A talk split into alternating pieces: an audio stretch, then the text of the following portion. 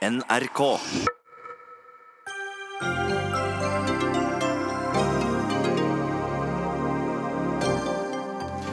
Lønningene til våre folkevalgte på Stortinget nærmer seg nå én million i året. Er de verdt det? Vi spør SV, og vi spør Høyre. Skottlands EU-minister er i Norge for å bedre relasjonene etter skilsmissen fra EU, men er ikke det jobben til britiske og ikke skotske statsråder?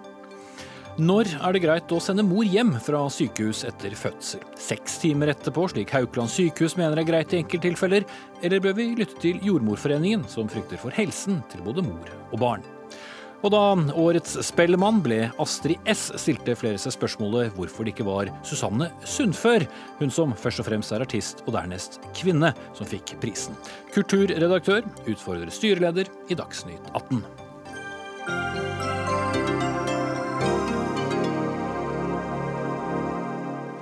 vi skal eh, også innom eh, byggeskandalen på Stortinget mot slutten av sendingen. Velkommen til Dagsnytt 18 med Espen Aas.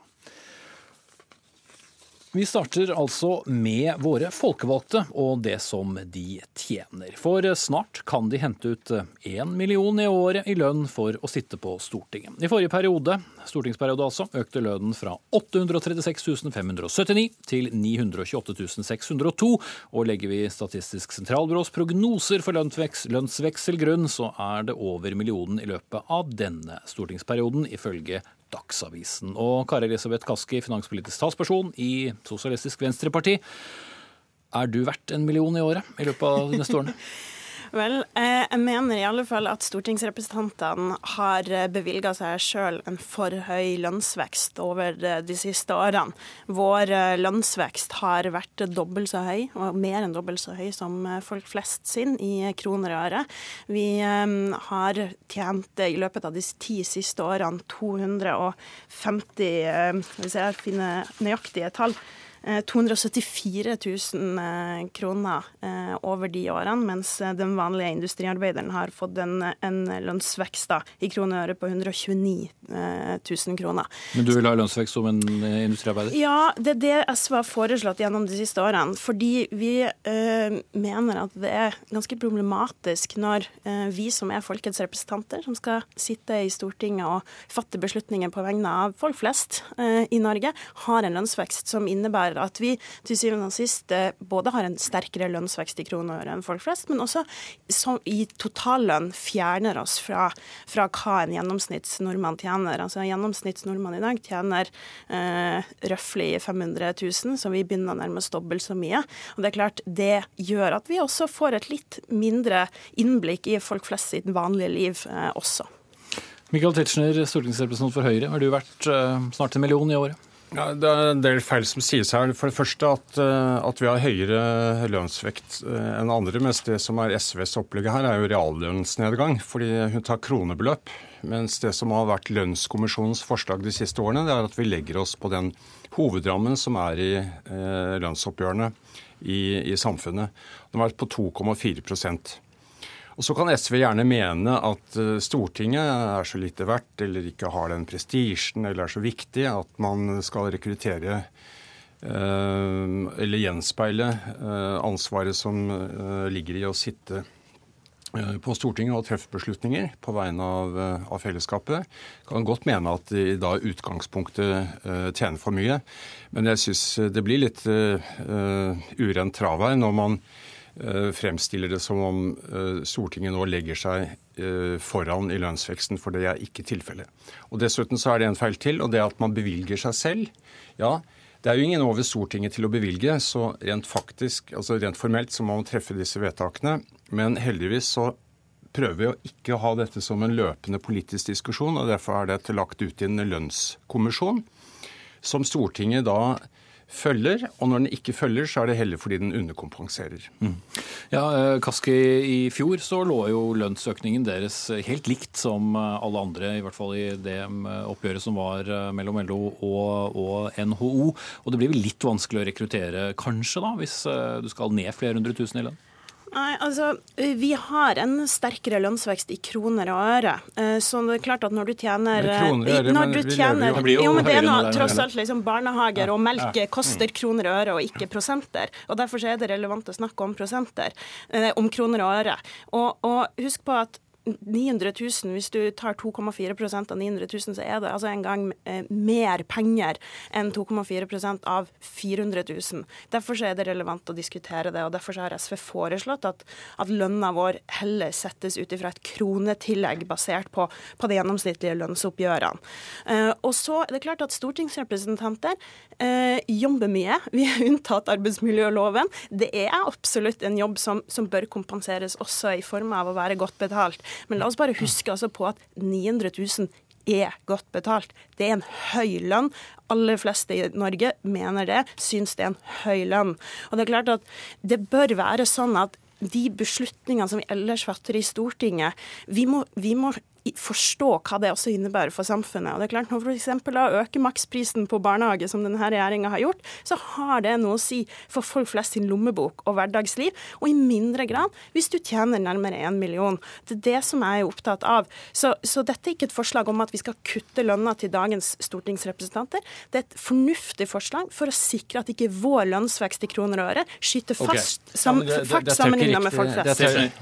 Da forstår man jo ikke hva man selv sier. fordi hvis, hvis man da skal legge på flate, altså flatt tillegg eh, som er kronebeløp, så betyr det at, eh, at det blir lønnsnedgang over tid. Og det kan SV gjerne mene, at, at man skal ha gjennomsnittlig industriarbeiderlønn.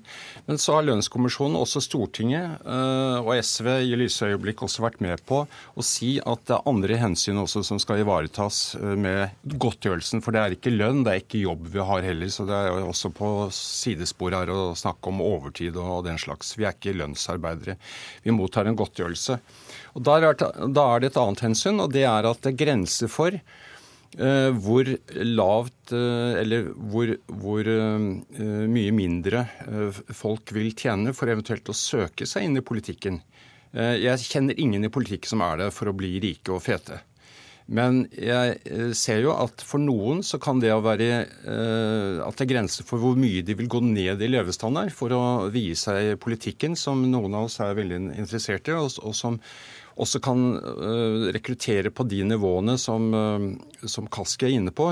Det kan være hun er veldig fornøyd, og alle hun treffer er veldig fornøyd med den lønnen de har, men vi må også tenke på at vi skal tiltrekke oss grupper som har bedre mm, muligheter for å, for å uh, ha en bedre uh, levestandard utenom politikken. Og da, Og det er vel et poeng at uh, det er jo ikke få stortings, eller tidligere stortingsrepresentanter og for så vidt også tidligere statsråder som har fått langt bedre vilkår ved å f.eks. gå over i rådgivningsbransjen, også fra ditt eget parti, og som eh, du kanskje heller skulle sett hadde fortsatt eh, på Stortinget. For til sjuende og sist så skal man ha mer enn kniver og gafler på bordet. Jo, men sant, Vi skal representere folk flest, og gjennomsnittslønna i Norge er nå altså halvparten så høy som, som det stortingsrepresentanter tjener. Det er det vi også må ta utgangspunkt i. Og jeg er enig i at vi skal, vi skal klare å ha et lønnsnivå som, som også innebærer at folk som tjener mer enn stortingsrepresentanter, likevel ønsker å bli det. Vi må klare å balansere dette på en, på en god måte.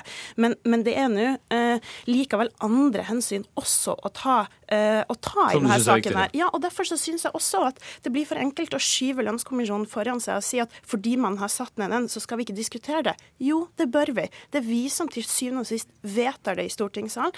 Jeg mener det blir galt hvis vi på den ene sida skal sitte og behandle trygdeoppgjør, f.eks., for, for inntekter til pensjonister, mens på den andre sida sier at nei, vi skal ikke diskutere vår egen lønn. Selvsagt bør vi også gjøre det. Til slutt, uh, Tetzschner, hender du at eh, du tenker at det er vanskelig å se noen i, i øynene med det du selv får godtgjørelse? Absolutt ikke. Jeg, jeg ser også rundt meg hva som ville vært alternative muligheter for uh, mange som jeg omgås. Og det er begrenset hvor mye folk er villige til å gå ned, ned, altså ned i levestandard for å, for å tjene Altså for å være i, i, politikken. Og så har jeg også lyst til å legge, legge vekt på her, som, fordi det er en innvending jeg stadig møter. Det er noe som henger igjen fra den gangen Stortinget hadde en egen eh, pensjonsordning. Den er for mange år siden lagt om, slik at du får den samme opptjeningen som når du ellers er i staten. Vi må sette strek her. sånn at, eh, Kari Elisabeth Kaski altså fra SV og Michael Tetzschner fra Høyre. Dagsnytt 18 alle hverdager klokka 18.00 på NRK P2 og NRK2.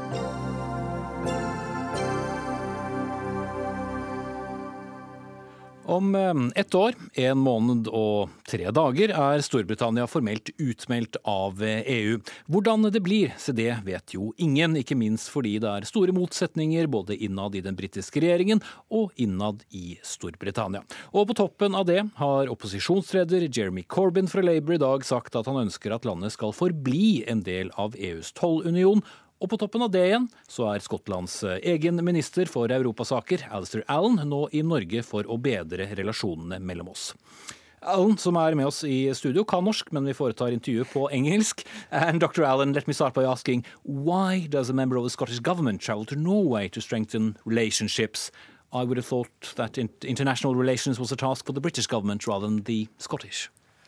Jeg liker Norge, så jeg kommer til Norge, og jeg snakker med regjeringen eh, i Norge. Men eh, også er det veldig, veldig viktig at vi har eh, et sterkt vennskap mellom Skottland og Norge. Og også jeg kommer for til å forklare situasjonen i Skottland, og for, for Skottland er forskjellig om brexit. Da kom det på norsk likevel. Eh, det er jo ikke noen hemmelighet at flertallet av skottene ønsket å forbli eh, i EU, mens flertallet av den britiske befolkningen som sådan ville det eh, omvendt. Er det likevel mulig for dere som fortsatt del av Storbritannia å ha separate samtaler med land, sånn som du vel indirekte gjør nå? Som du sa, 62 eh, av folket i Skottland eh, valgte eh, for, å, for å forbli Europa. Og det er ikke hemmelig at mest folk, flest del av folket i Skottland er enig med det. Og så vi prøver å få et fornuftig samtale med den, London-regjeringen. Det er ikke så lett å gjøre i dag med regjeringen som vi har. og kaotisk situasjonen eh, i politikk eh, i Storbritannia i dag om brexit. Men det er forskjellig i Skottland, eh, og vi også vil gjerne få et slags kompromiss om brexit. Og det betyr at for oss er det veldig viktig f.eks. bevegelsesfrihet og det indre markedet. Mm. Men hvor mye handlingsrom eh, har du egentlig som eh, representant for en skotsk og ikke britisk regjering? Vi har ingen makt over uh, utenrikspolitikk i Skottland, men vi, vi, snakker veldig ofte om, om politikk som den skotske regjeringen, regjeringen har. og det er at vi vil gjerne forbli det indre markedet. Eh, f.eks., og også um, tollunionen. Og det er en veldig viktig debatt uh, om hva skal skje om tollunionen i Storbritannia også. Ja, for som jeg sa i innledningen, dog på engelsk, at Labour-leder Jeremy Corbyn har jo tatt til orde for at Storbritannia bør forbli en del av EUs tollunion. Musikk i ørene for deg, går jeg ut fra. Så mye har skjedd siden folkeavstemningen 23.6.2016. Eh, Føler dere i det skotske nasjonalistpartiet som du tilhører, at pendelen nå veier, vender mer mot deres side enn eh, for de som ønsket et totalt brudd med EU? Et veldig eh, viktig spørsmål om tollunionen eh, i dag er hva skal skje med Nord-Irland. Eh, så hvis eh, Nord-Irland og den irske republikken er begge er to forskjellige um, tollunioner. Eh, det er som jo er forslaget fra EU. Det er dårlig for, for Irland, men også eh, eh, det, Jeg spør etterpå eh, hvis vi kan få et um, special arrangement for Nord-Irland, det er også vi kan gjøre sammen for Skottland. Mm. Ehm, det er jo ingen hemmelighet heller at dere tapte eh, folkeavstemningen om løsrivelse for Skottland tilbake i september 2014. Eh, ehm, meningsmålinger har tydet på at kanskje appetitten ikke er så stor for en ny runde. Men er dere villige til å kjempe for en ny avstemning om eh, løsrivelse, dersom dere er uenig i den endelige avtalen mellom Storbritannia og EU? Folket i Skottland har kjempet i veldig mange år for selvstendighet. 45% valgte ja til selvstendighet 2014. Og meningsmålene i Skottland sa, sa i dag at det er 45 i dag. Eh, så det er mange i Skottland som stoler selvstendighet. Men for i dag, spørsmålet er hva skal skje med brexit. Uh, og for den skotske regjeringen, to ting som er veldig, veldig viktige, er, uh, er bevegelsesfrihet og det indre markedet. Fordi vi har en demografisk, demografisk problem med Skottland. hvis Eh, hvis Skottland er, hvis Storbritannia er stengt til eh, folk fra andre land, eh, folketallet i Skottland skal gå ned. Så vi vil gjerne få folk fra andre land i Skottland, og vi er veldig åpent til Europa. Kort til slutt, du er i et land der mellom 70 og 80 av nordmennene sier tvert nei til et EU-medlemskap. Kan det ikke være en god mulighet for Skottland å være på utsiden? Eh, Norge har eh, en veldig forskjellig situasjon. Eh, og jeg er ikke i Norge og sa du må gjøre det om Europa er Norge. Jeg er i Norge for å forklare situasjonen i Skottland, og jeg, jeg tenker at Norge er veldig vennlig til Skottland. Mm. Takk skal du ha, dr. Arthur Allen fra det skotske nasjonalistpartiet, minister for EU-saker.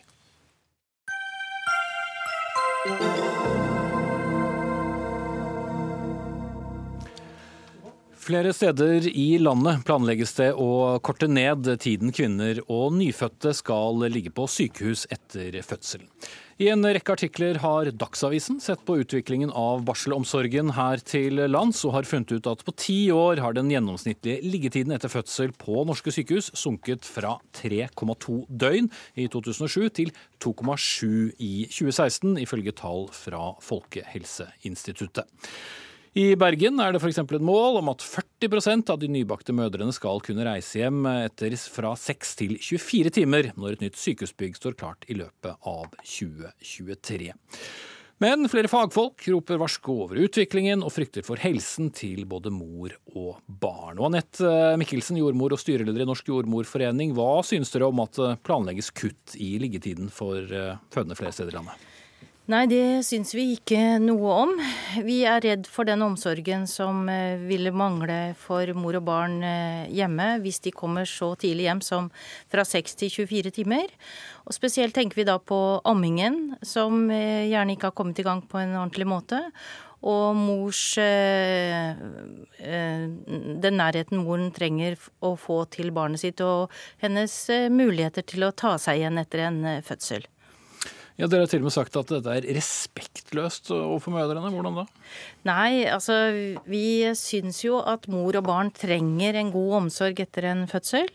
Og det har jo egentlig alltid vært sånn i Norge og mange andre steder i verden også, at man syns at kvinner som har født barn, de trenger fred og ro til å komme seg etter en fødsel. Og hvis man jager kvinner ut etter seks timer, så er ikke jeg så sikker på at hun får den roen og den eh, muligheten til å ta seg igjen som hun trenger. Og som alle vet, eh, i hvert fall som har barn, så er det jo forskjell på eh, fødsler. Ja, ja. Eh, og er det ikke da riktig å kunne se litt på om det alltid må være så lang liggetid på sykehus? Jo, men det er jo ingen som tvinger noen barselkvinner til å være hjemme, nei, til å, til å være på sykehus heller.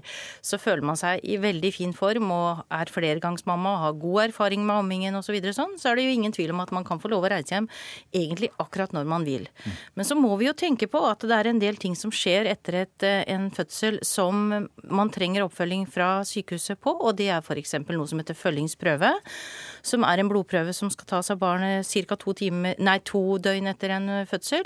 Og det er også en barnelegekontroll som man anbefaler at foreldrene får gjort. Som jeg ikke vet helt hvordan man har tenkt å gjennomføre i Bergen og andre steder. da. Men det skal vi kanskje det, få svar på om ja, kort tid. Ja, for eh, et av de sykehusene som har fått eh, mest oppmerksomhet i denne debatten, er nettopp Haukeland sykehus i Bergen. Der målet som sagt er at 40% av barselkvinner skal kunne skrives ut mellom 6 og 24 timer når et nytt bygg står klart i 2023. Og klinikkdirektør for kvinneklinikken på Haukeland, Susanne Albrektsen, hvorfor er det et mål?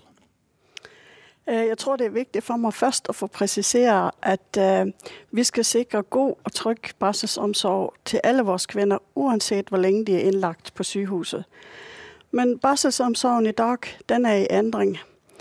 Um, og endringen som kommer, er at kvinnene i større grad er innlagt kortere tid på sykehuset. For de friske og de kvinnene som har hatt normale fødsler, og som har et friskt nyfødt barn, der kan man i mye større grad reise tidligere hjem. Øh, vi har her i Bergen arbeidet med ulike modeller for oppfølging av de nyfødte og de nye familiene etter fødselen og i barselstiden. Øh, vi har f.eks. vært med til å utvikle såkalte nærjordmorsentre i samarbeid med kommuner F.eks. Øh, Fjellsund og Øygarden og Os og Askøy, samt nå også Lindås, har tilbud om nærjordmorsenter for de kvinner som reiser tidligere hjem. Og mm. der får de en god og en trygg oppfølging etter de har reist ut fra sykehuset. Hvor mye penger sparer dere på den ordningen, da? Vi arbeider hele tiden innenfor de rammer som vi har. Og da må vi også legge til rette for at vi har en god barselsomsorg. Øh, vi utvikler oss i forhold til det som er retningslinjene for øh, barselsomsorgen, som forventer at en større andel av kvinnene vil ha kortere liggetid øh, på sykehuset etter fødselen. Frykter du for helsen til mor og barn? Nei, det gjør jeg ikke. fordi her er det snakk om en endring i tilbud som jo i første omgang vil være til de, syge, til de friske kvinnene, de friske kvinner med et normal fødsel og med et uh, frisk uh, nyfødt barn. Uh, som vi vet ønsker faktisk å ta imot det tilbudet som vi har vært med til å utvikle også i, samarbeid med de kommuner som jeg nevnte før i forbindelse med nærjordmorsenter. De kvinner som får oppfølging der, de er i stor grad tilfreds med det tilbudet som de får. Anette Mikkelsen fra Jordmorforeningen, er dere så uenige, da? I, kanskje ikke. Altså, det er jo ikke sånn at uh, man nødvendigvis må være på sykehus for å få en god omsorg en, etter fødselen. Men det som nevnes her, er jo et veldig viktig poeng, og det er at det er noen som kan ta imot mor og barn når de kommer hjem. Eh, rundt omkring i Norges land så har vi lange avstander, og vi har heller ikke utviklet kommunejordmorsystemet eh, på en sånn måte som gjør at det er jordmødre der hjemme som kan ta imot på døgnbasis eh, mor og barn som kommer hjem. Så som et storstadsfenomen, som dette jo tydeligvis er, og hvor man utvikler et godt system hvor mor og barn har mulighet til å ringe hele tiden til en jordmor de nærmeste dager, så kan vel dette fungere helt ok. Men hvis dette er en trend som man har tenkt seg over hele Norges land, så er det betydelig svikt i antall jordmødre som jobber i kommunene, og antall stillinger som er der til å ta imot mor og barn. Vi skal følge opp det, men nå sier vi foreløpig takk til dere, Anette Mikkelsen fra Jordmorforeningen og Susanne Albrektsen fra Haukeland sykehus. Og så vender vi oss til bl.a. deg, Bent Høie, helse- og omsorgsminister. For Høyre, da, mener du at dette er en riktig utvikling med å korte ned denne liggetiden?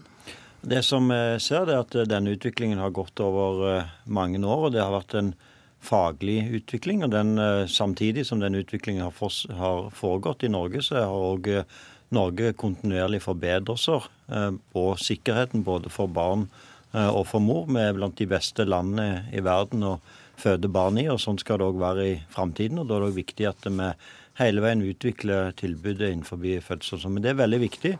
Men er det et ja? Eh, ja, altså Det er veldig viktig at når disse endringene skjer, så må det skje i en nært samarbeid med kommunen. Eh, sånn som vi opplever eh, her i, i, med eksempelet fra Haukeland. Fordi mange kvinner som føder, gjerne som òg ikke førstegangsfødende, men som har født flere barn, har gjerne et kontinuerlig forhold til en jordmor i kommunen. Og da vil de ofte føle seg enda bedre ivaretatt hvis de òg raskt etter fødselen kommer hjem og får en videre oppfølging med den jordmoren. Men eh, så eh, for mitt vedkommende så er det viktigste at en følger de faglige retningslinjene som Helsedirektoratet her har gjort, at utviklingen hele veien tar hensyn til at det er hensyn til barn og til, til kvinnen som, som, som, er viktig, og at en følger det som er den faglige utviklingen. Kjersti Toppe, helsepolitisk talskvinne i Senterpartiet. Jubler du denne nyordningen? Nei, eh, det har, vært, eh, har, kanskje vært en faglig utvikling, det er sant. Eh, men nå er vi jo langt forbi det stadiet. Nå er det en, en utvikling som er styrt av økonomi. Det vil jeg hevde. Og poenget er at den korte liggetida på sykehus ikke har blitt fulgt opp av tilsvarende økning ute i kommunene. Det er det som er poenget, og det er det som er så fryktelig bekymringsfullt i denne saka her. Jordmorforbundet har jo funnet ut at dersom retningslinjer målsettingene som Høie snakker om, skal bli oppfylt, så mangler det flere hundrevis av jordmorstillinger. Mellom, eh, mellom 600 og 700 jordmorårsverk i kommunene. Det er realiteten. Og derfor så er denne utviklingen her ikke noe å juble for. Men man skal ikke ha fulgt eh, kjempemye med i norsk helsepolitikk for å vite at det er relativt stramme budsjetter innimellom på sykehusene. Mm. Og hvis det da er en eh, ganske mange mødre som kan reise hjem og det mm. sparer sykehusene for penger, så må det være helt mm. strålende, så man kan bruke de pengene der de trengs? Absolutt, og det har jo kvinner alltid gjort. Eh, de ligger ikke på sykehus bare for å ligge der, men de ligger der til en føler at en er trygg for barnet, for amming, for å unngå at det kan bli komplikasjoner. Og Dette handler ikke bare om at eh, kvinner skal få eh, hvile seg og komme til hektene igjen. Tidlig utskriving, det vet vi, kan føre til at barnet blir, får ikke i seg nok føde, blir dehydrert. Veldig farlig situasjon egentlig. Det kan føre til infeksjoner, det kan være at en ikke ser hjertefeil, det kan være at barnet har gulsott godt. Alt dette her eh, ser en ikke når en blir utskrevet etter seks timer. Og nå er det jo mange fagmiljøer som er minimum, da. Man kan jo skrives ut noe ja, senere. Eh, og, og, og, nå er det jo slik at den faglige utviklingen som en hevder dette her har vært, og det har det òg vært, eh, nå er det fagmiljøet sjøl som roper varsku.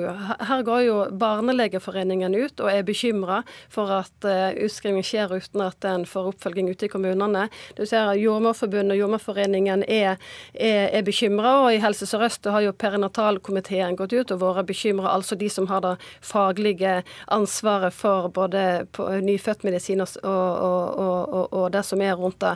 Så her må jo politikerne lytte. Jeg mener at utviklingen har gått altfor langt. Vi må mm. stoppe den tidlige utskrivingen. Ok, uh, og Høie som da ikke er så eh, bekymret, da, men uh, si meg, er det sånn at kommunene omfavner da dette nye ansvarsområdet for oppfølging uten å be om noen ekstra penger, eller hvordan henger sammen? For det første så får de ekstra penger, og derfor òg eh, med regjeringen sammen med Kristelig Folkeparti bevilga over 1 milliard kroner til kommunene de siste årene for å bl.a.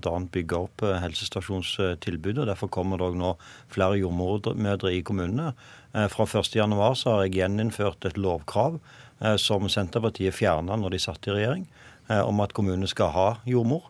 Eh, sånn at eh, jordmortjenesten i kommunen er nødt til å styrkes eh, av mange grunner, men òg av denne grunn. Og jeg stiller krav til sykehusene at når de gjør denne type endringer, så må de gjøre det i et nært samarbeid med kommunene. Og så er det selvfølgelig sånn at det alltid må gjøres individuelle vurderinger. og Det betyr at det er ingen kvinner som mot sin vilje, og hvis de er bekymra for seg eller barnet sin helse, skal sendes hjem fra sykehuset etter seks timer. og jeg har Veldig, Jordmorforeningen og andre jeg har veldig stor tillit til at Jordmorsforeningen sine medlemmer som jobber på sykehus, og, og, de legene som har ansvar på sykehus, de ser selvfølgelig den enkelte kvinne og det enkelte barn og gjør kloke, kloke, kloke vurderinger. Det er òg det som det legges opp på i planleggingen av de nye sykehusavdelingene, både i Bergen og Stavanger og andre steder. og det at det kom en faglig diskusjon, at det kom innvendinger, det synes jeg er helt riktig.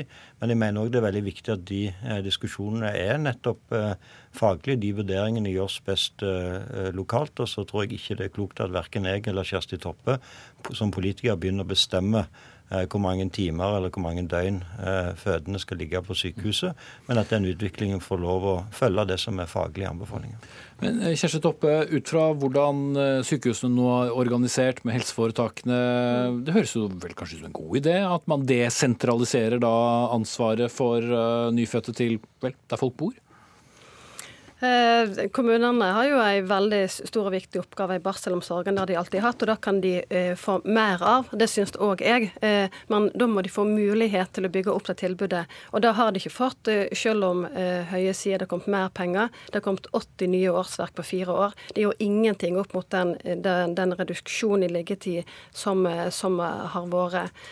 Og det er jo det som er poenget. Dette er det en stor ubalanse.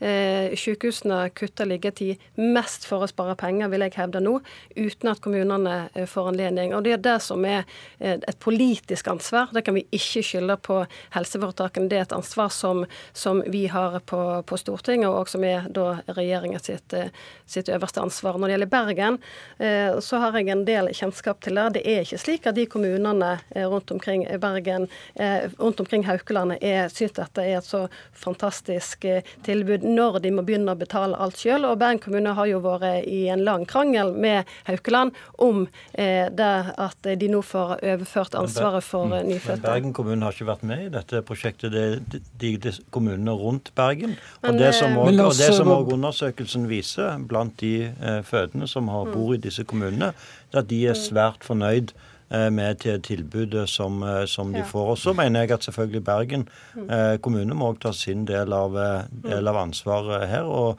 på samme måte som nabokommunene være med å bygge opp et godt tilbud. Men bare for å svare på én ting mot slutten her, Høie, fordi tiden vår renner ut som det alltid gjør i debatter. Det er vel et poeng med økonomien her, bare for å ha brakt det på det rene, at uh, som helseminister så er jo en av dine oppgaver også å effektivisere sykehusene og veldrevet. Det, det ligger en innsparing her. Vi skal selvfølgelig alltid drive sykehusene bra, men det viktigste er at skal, sykehusene er der for å gi et godt tilbud uh, til pasienter, til fødende og til barna. Det som vi ser, er at uh, denne type innvendinger den har kommet i de siste 20 årene, hver gang det har blitt reduksjoner i liggetiden. Den samme debatten var jeg med på på 90-tallet, når jeg var med og hadde ansvar for sykehusene i mitt hjemfylke Rogaland. Eh, det var det ja eller nei til at du sparte penger på dette? Og, og, og, svaret er at i all den tiden, sjøl mot innvendinger, så ser vi at kvaliteten på den norske fødselsomsorgen har blitt stadig bedre. Både for kvinnene og for, eh, for barna. Så dette er, det som er viktig, er at det er hensynet til kvinnene og eh, de nyfødte som legges til grunn. At det er individuelle vurderinger, og at en følger med det som er den faglige utviklingen. Og der er dere uenige, Bent Høie og Kjersti Toppe, takk skal dere ha. Hør Dagsnytt 18 når du vil. Radio NRK Radio.nrk.no.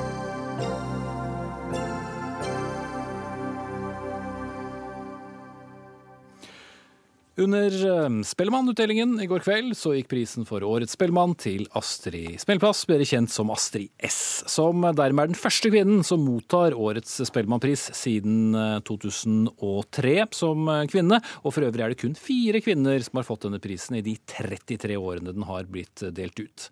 Men ikke før var prisen delt ut, før juryen fikk kritikk fra deriblant Dagbladet og Aftenposten for at det ikke var Susanne Sundfør som fikk den gjeve prisen. Og Sigrid Witzen, kulturredaktør i Dagbladet, hvorfor fortjente ikke Astrid S å vinne denne prisen? Først og fremst må jeg bare si at dette er ikke kritikk av Astrid S. Hun fortjener all den heder hun kan få. Eh, det jeg derimot har reagert på, er det jeg oppfatter som en slags kontinuerlig ignorering av Susanne Sundfør. Eh, dette skulle bli hennes år. Eh, hun er en av de fremste artistene vi har i Norge, både kunstnerisk og eh, kommersielt. Og hun kunne ha vunnet, blitt Årets Spellemann i 2010, i 2012, i 2015 og nå for 2017. Og det har ikke skjedd, og det begynner å bli ganske påfallende. Men sier du det fordi du syns at eh, platen hennes i fjor eh, var så knallbra, eller er det litt sånn lang og tro tjeneste nærmest her? Jeg synes eh, plata hennes er knallbra, og det syns åpenbart de som nominerte også, fordi hun var nominert til to priser. Men også det at hun har en slags historikk i ryggen ved å ikke vinne denne prisen, som gjør at nå er det søren meg på tide snart. Eh, fordi at altså hun ikke fikk det i 2015 f.eks., da hun var nominert til fem priser. Da var det Kygo som ble årets Spellemann. Man kan jo selvfølgelig se den, slik man kan se alle andre tildelinger. Men jeg syns som sagt at det begynner å bli litt rart. Ok. Marte Thorsby, styreleder i Spellemann. Eh, hva slags kriterier er det man vurderer årets Spellemann etter? Det er ganske enkle kriterier. De står i vår juryinstruks at det skal vurderes etter en helhets, eh, eller gjøres en helhetsvurdering. Og så skal det legges vekt på salg og live, altså konsertvirksomhet. Og da var det ikke noe tvil uh, hos dere? Eller? Nei, vi satt, Jeg sitter jo selv i juryen, så jeg kan jo uttale meg om, om, det. Og vi diskuterte mange kandidater. Vi diskuterte også naturligvis Susanne Sundfør. Men vi landet på Astrid S i år. Hun har hatt et helt unikt år. Hun har 350 millioner streams i løpet av ett år. Hun har Og det regnes inn som solgte Det er salg. Og så har hun hatt en veldig stor eller lang verdensturné. Tre måneder, utsolgt verdensturné. Turnert masse i Norge. Mange utgivelser. Jobbet beinhardt. Radio, toppet radiolistene. En veldig verdig vinner. Så for oss var det et eh, Vi landet godt på Astrid S. Eh, likevel så kan det hende det er flere som eh, også lurer på da, hva som gjør at Susanne Sundfør ikke har nådd opp. Ja, og det må jeg jo si når jeg leser noen av disse kritikkene i dag, at noen hevder det er konspirasjonsteorier, at Spellemann er ute etter å hevne eh, Susanne Sundfør. På ingen Som først og fremst måte. er artist og ikke kvinne. Ja, og det er fint. Vi elsker jo debatt. Spellemann er jo ikke det samme uten debatt. Og at man diskuterer og at man er uenig, kjempebra. Men det påvirker jo på ingen måte juryarbeidet. Dette er helt egne juryer i de forskjellige kategoriene som sitter og vurderer. Og det har jeg til- lyst til å bemerke. 2017 blir vurdert utelukkende for 2017. Hva man har gjort tidligere år, kommer ikke inn i vurdering for årets Så ikke en helhetsvurdering, da. Jo, men av virksomheten i 2017. Så vi tenker ikke at uh, når kritikken kommer at hun skulle fått den tidligere år osv., osv. Det er kun 2017 vi ser på. Og så har jeg lyst til å bemerke også Hvis du også da tar bort eh, det du sa om de foregående årene, hvis du vurderer 2017 helt under ett, eh, hvem var best? Hva er det fortsatt Jeg synes, eh, eh, altså, nå har jeg ikke lyst til å sammenligne disse to artistene, eh, men eh, Susanne, man kan ikke komme her og si at ikke Susanne hadde, hatt, hadde et strålende år i 2017. Eh, og jeg syns det er litt synd for prisen prisen Årets Spellemann, da, som henger så høyt i Norge, som er en institusjon, at det liksom bare skal bli en pris der man teller streams og teller antall konserter, og at det ikke har noe med kunstnerisk input å gjøre lenger. Eh, fordi at eh, de siste fire årene nå, i 2013 så var det Ole Paus som fikk prisen, deretter var det Nico og Vince, og deretter var det Kygo, og så var det Marcus og Martinus, og nå Astrid S. Eh, og denne prisen begynner nå å ligne litt mer på en slags eksport pris enn årets Spellemann. For det ligger jo litt i ordet, da. Spellemann. Dette her burde handle om musikken.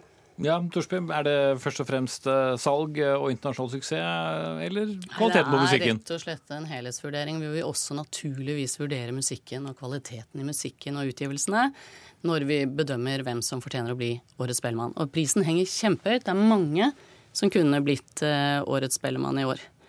Men vi valgte altså å lande på Astrid S og stå veldig trygt i det og mener hun er en verdig og flott vinner.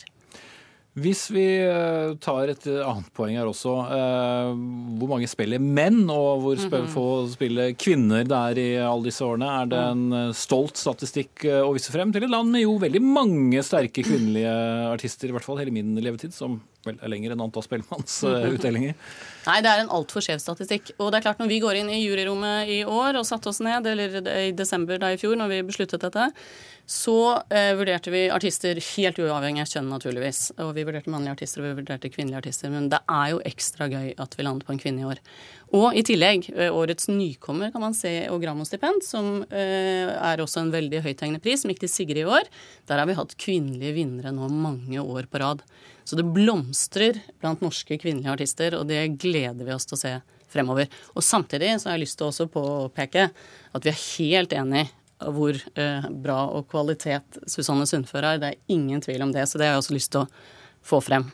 Men etter da alle disse forbigåelsene som vel du og andre da har, har pekt på, må nesten vente til en hederspris, da? Skal det bli noen Det er jo litt eh, trist da, hvis vi må vente i 20 år til Susanne Sundfør, som i dag er 31, er gammel nok eh, til å motta hedersprisen. Men eh, Spellemann eh, har en eh, god tradisjon, kan man si, da, for å ta imot kritikk. Eh, så jeg krysser fingrene jeg, for hva som kommer til å skje framover. Jeg må jo spørre deg, Matte Thorsby, denne hendelsen tilbake fra, fra, fra 2011 med den boikottingen av årets kvinnelige artist. eh, Det- Sveiver litt, vel? Nei, vet du hva? Eh, Jeg tenker, eh, Vi tenkte da. eh, Vi tenkte naturligvis over hva som skjedde, og det tar vi med oss. Men vi tar imot all kritikk og all diskusjon. Jeg mener jo Spellemann blir jo en død pris hvis ikke journalistene og de andre diskuterer Spellemann. Så dette omfavner vi. Og også alle innspill som kommer fra artister, naturligvis. Inkludert Susanne Sundfør. Helt uproblematisk, bare bra. Og det hjelper å holde eh, Spellemann vital. Hva skal til da for at Susanne Sundfør faktisk blir årets Spellemann? Fordi at nå har hun hatt så mange fantastiske sjanser uten å nå opp. Eh, så hvor langt må hun egentlig strekke seg? Det begynner jeg å lure ut på. Veldig kort til slutt, hvis du kan svare på det, Marte Thorsby. Nei, det, vi vurderer hvert år for seg, så får vi se hva de årene fremover vil bringe. Sigrid Witzen, kulturredaktør i Dagbladet. Marte Thorsby, styreleder i Spellemann. Takk skal dere ha.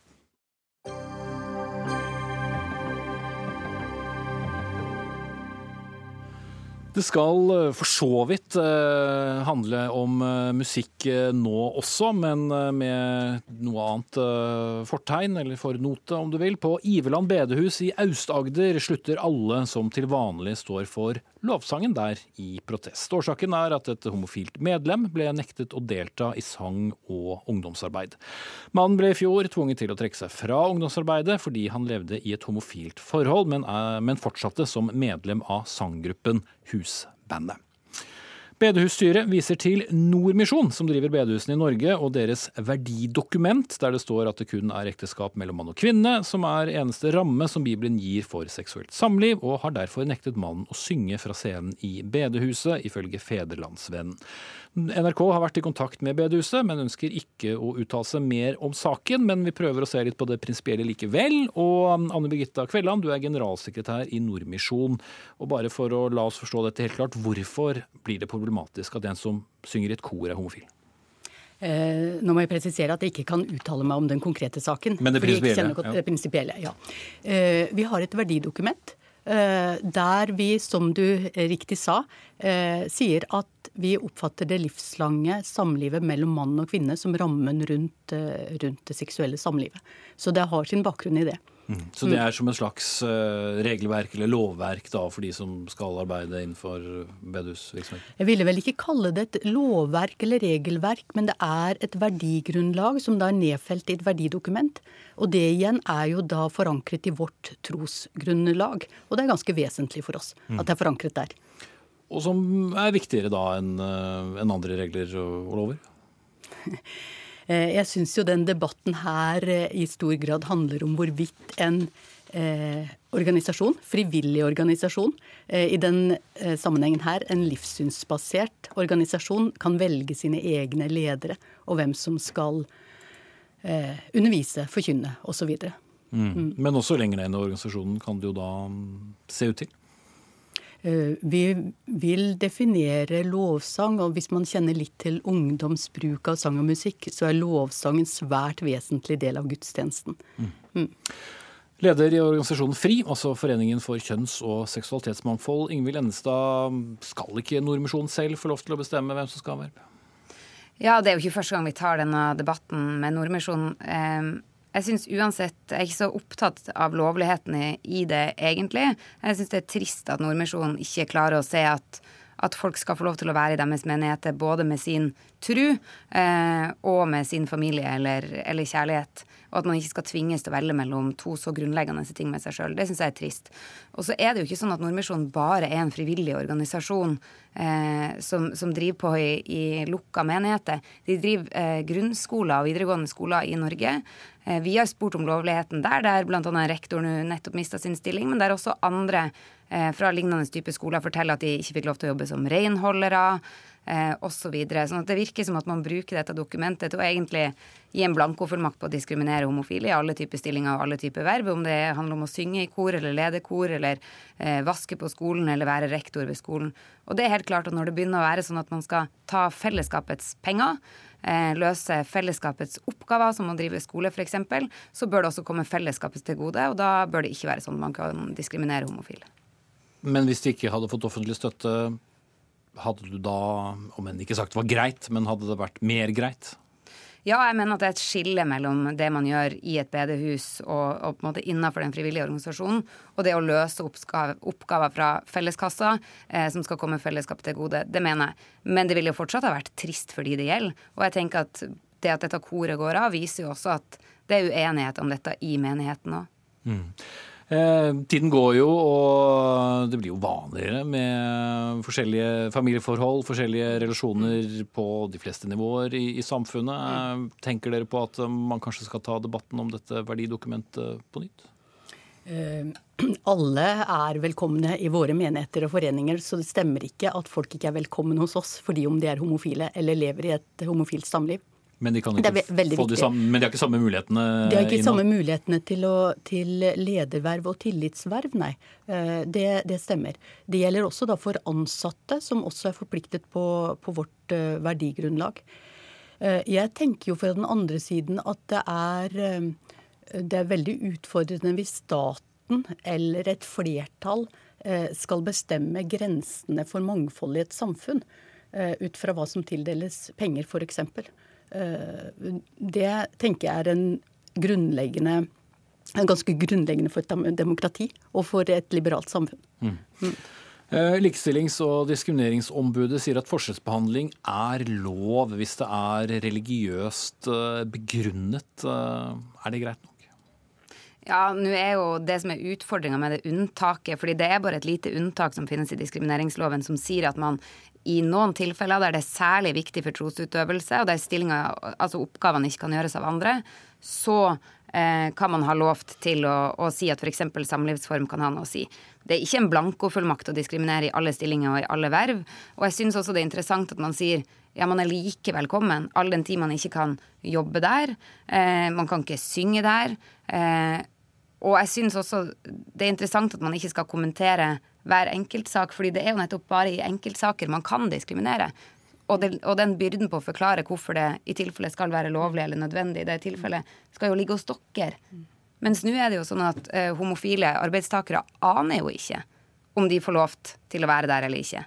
Og de vil alltid kunne tenke sannsynligvis kommer jeg ikke til å være det, sannsynligvis orker jeg ikke å ta den kampen fordi lovverket er så utydelig. Men jeg mener, jeg er helt enig i at man skal kunne få statsstøtte til ulike eh, religionsutøvelse, men jeg mener ikke at pengene fra felleskassa skal gå til skoler som diskriminerer. Det mener jeg ikke. Så der er det et skille.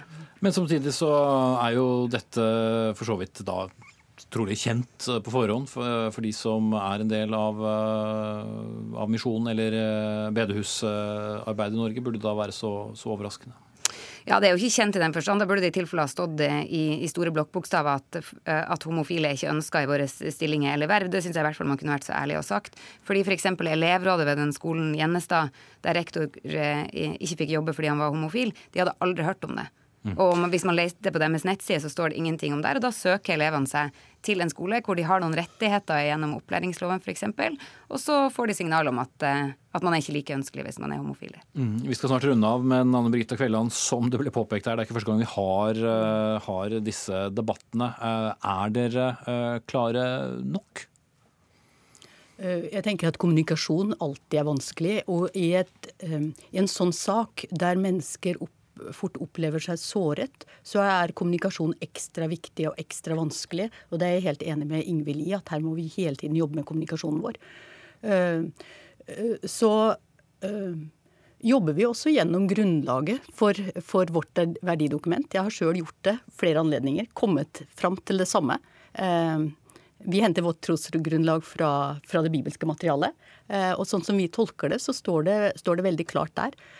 Så sjøl om dette her er noe som jeg sjøl og de som jeg har i ledergruppen rundt meg, syns er veldig vanskelig, så, så, gjør ikke det at vi kan endre overbevisningen vår av, av den grunn. Mm.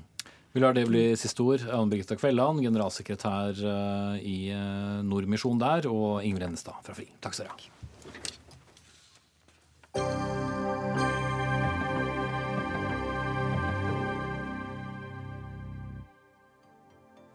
Årets eh, dyreste føljetong 2018, nemlig soga om byggeprosjektet på Stortinget, ruller videre med uforminsket styrke. Prosjektet som altså nå har en prislapp på 2,3 milliarder skattekroner, mer enn et halvt operabygg eller mer enn et helt flunkende nytt Holmenkollanlegg, diskuteres av mange politikere hver eneste dag. Nå i ettermiddag er det blitt diskutert innad i presidentskapet på Stortinget, før presidentskapet presidentskapet skal møte både finanskomiteen og de parlamentariske lederne på Stortinget førstkommende onsdag. Eva Grinde, kommentator i Dagens Næringsliv. Hvordan ser denne saken ut nå? Det er kanskje veldig enkelt å svare på, men hvor svekket er både stortingspresidenten og presidentskapet?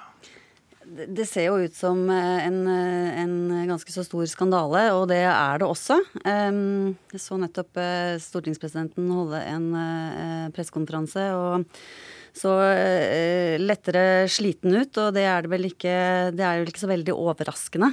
Um, hvordan det står nå, og hvordan dette kommer til å bli tatt imot i finanskomiteen, er jo litt vanskelig å si all den tid mye av svarene hans i dag var jo nettopp at uh, det kan vi si mer om etter onsdag. Sånn at uh, de har på en måte forent seg nå i, i presidentskapet i dag og forberedt seg til dette viktige møtet på, på onsdag morgen, da. Denne saken er jo ikke ny nå. Den var jo godt kjent også i forrige stortingsperiode. Dere og flere andre har skrevet om den. Eh, så var det et spørsmål om hvorvidt eh, Olemic Thommessen burde få fornyet tillit som stortingspresident. Det fikk han, om enn med veldig eh, knapp margin. Har det kommet så mye informasjon etter det, med unntak av at dette prosjektet jo har blitt kjempedyrt, som kan svekke Thommessen og for så vidt resten av presidentskapet? Ja, altså Det var jo partier som allerede uh, før valget mente at det var mer enn nok til at han uh, burde gå av. Uh, SV og Senterpartiet bl.a. Men han ble jo da reddet av, av, Høyre, og ikke minst Erna Solberg, som har lagt en beskyttende hånd over han. Så den vurderingen hun må gjøre nå, er jo om hvorvidt virkeligheten har forandret seg siden valget, eller hva som har skjedd av substansielle ting etter valget som gjør at situasjonen er annerledes. Og der er det jo flere ting eh, hvis hun, eh, hvis hun vil, holdt jeg på å si, hun kan uh, ta tak i. Blant annet så er det jo dette veldig viktige spørsmålet um, som gjelder hva som ble sagt av stortingsdirektøren den 7. desember. Eh, I motsetning til hva som ble sagt av, eh, av stortingspresidenten den 20. Eh, desember, der han sier at alt er OK innenfor den rammen som er bevilget, mens hun mener at hun har advart om at den kommer til å sprekke. Det er jo et springende punkt, hvis det er tilbakeholdt informasjon der. Mm. Så er det spørsmål om hvorvidt den saken blir for belastende for statsministeren, mener du? Ja, det kan være at, eh, at, hun vurderer det summa summarum eh, slik etter hvert. Eh, spørsmålet er liksom når, når, hennes smertegrense inntrer, det, det, er ikke godt å si. Mange var jo veldig forundret over at hun, at hun kjørte han frem nå i høst. Så ja. Eh, Olemic Thommessen er for ordens skyld på vei hit til, eh, til, studio, er her om få minutter. Men eh, inntil han eh, kommer hit eh, I flere intervjuer så har han jo også sagt helt klart at eh, det er Multiconsult, altså dette selskapet som står mellom Stortinget og entreprenørene her, som har mye av skylden. Og sågar så har de også saksøkt de for 125 millioner kroner. Så er det så svart-hvitt? Altså 125 millioner kroner forteller jo i hvert fall ikke hele historien uansett. Så eh, nei, det er jo veldig vanskelig. Og det, det, det, er jo en sak som skal eh, opp i Eller som er i rettsvesenet. Eh, så det er vanskelig å ta stilling til. Det kan godt hende at det er kritikkverdige ting der. Men eh, han kommer vel ikke unna at Stortinget har utnevnt seg selv til byggherre i denne saken. Og det, det har de det bestemte de tidlig og sto ved, og det har de jo funnet ut via den arbeidsgruppen nå at det var en veldig dårlig idé. Og at neste gang de skal i gang med noe så stort, så skal de få inn noen som kan det. Eh, og som, som greier å styre så store prosjekter, nemlig Statsbygg. Nå har jo uh, stortingspresidenten uh, vært ansiktet for denne saken uh, først og fremst. Men det er vel ikke bare ham som har et visst ansvar. Altså Ida Børresen, direktøren, gikk jo av. Men hvis man først begynner å, å, rulle opp her, så er det vel flere partier som også kunne ha sagt fra før, eller? Ja, det er det helt sikkert. Det er jo en samlet, eh, en samlet sak. Og, de har jo fått bevilget underveis av Stortinget osv. Men eh, det er klart at noen har det helhetlige, overordnede ansvaret til å følge, følge med på helheten i det. Og det er byggherren, og det, eh, det kommer man ikke unna. Nå er det også slik at uh, klokken tikker her i studio. Olemic Thommessen, du har uh, fulgt med på, på, telefon, stadig på vei hit til studio, men jeg velger å ta deg inn uh, nå, jeg, og stiller deg spørsmålet. Hva har kommet ut av dette forberedende møtet som dere har hatt i presidentskapet nå i ettermiddag?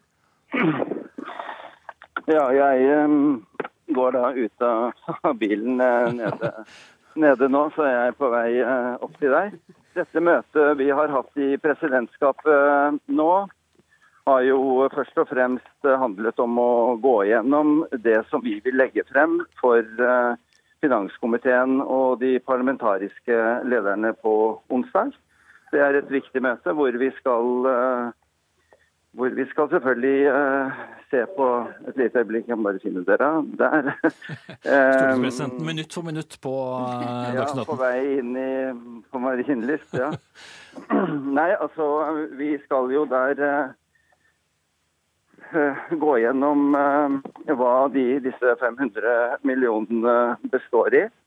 Eh, vi skal også ha en grundig gjennomgang av hvem som har visst hva til enhver tid, altså om informasjonsflyten i prosjektet, som jo har vært et, et tema i, i, det offentlige nå de siste dagene. Og så er det altså, som nevnt, eh, blitt stilt eh, spørsmål ved, ved, ditt eh, ansvar, også av andre partier. Hva vil du selv si? Nå ser jeg deg gjennom vinduet her på vei til studio.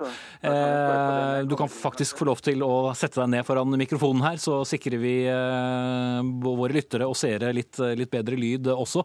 Føler du nå at din stilling som stortingspresident er svekket, eller er du der du har vært? siden du ble gjenvalgt? Vi har, altså Stortingspresidenten er jo ikke en som bestemmer eh, ting alene.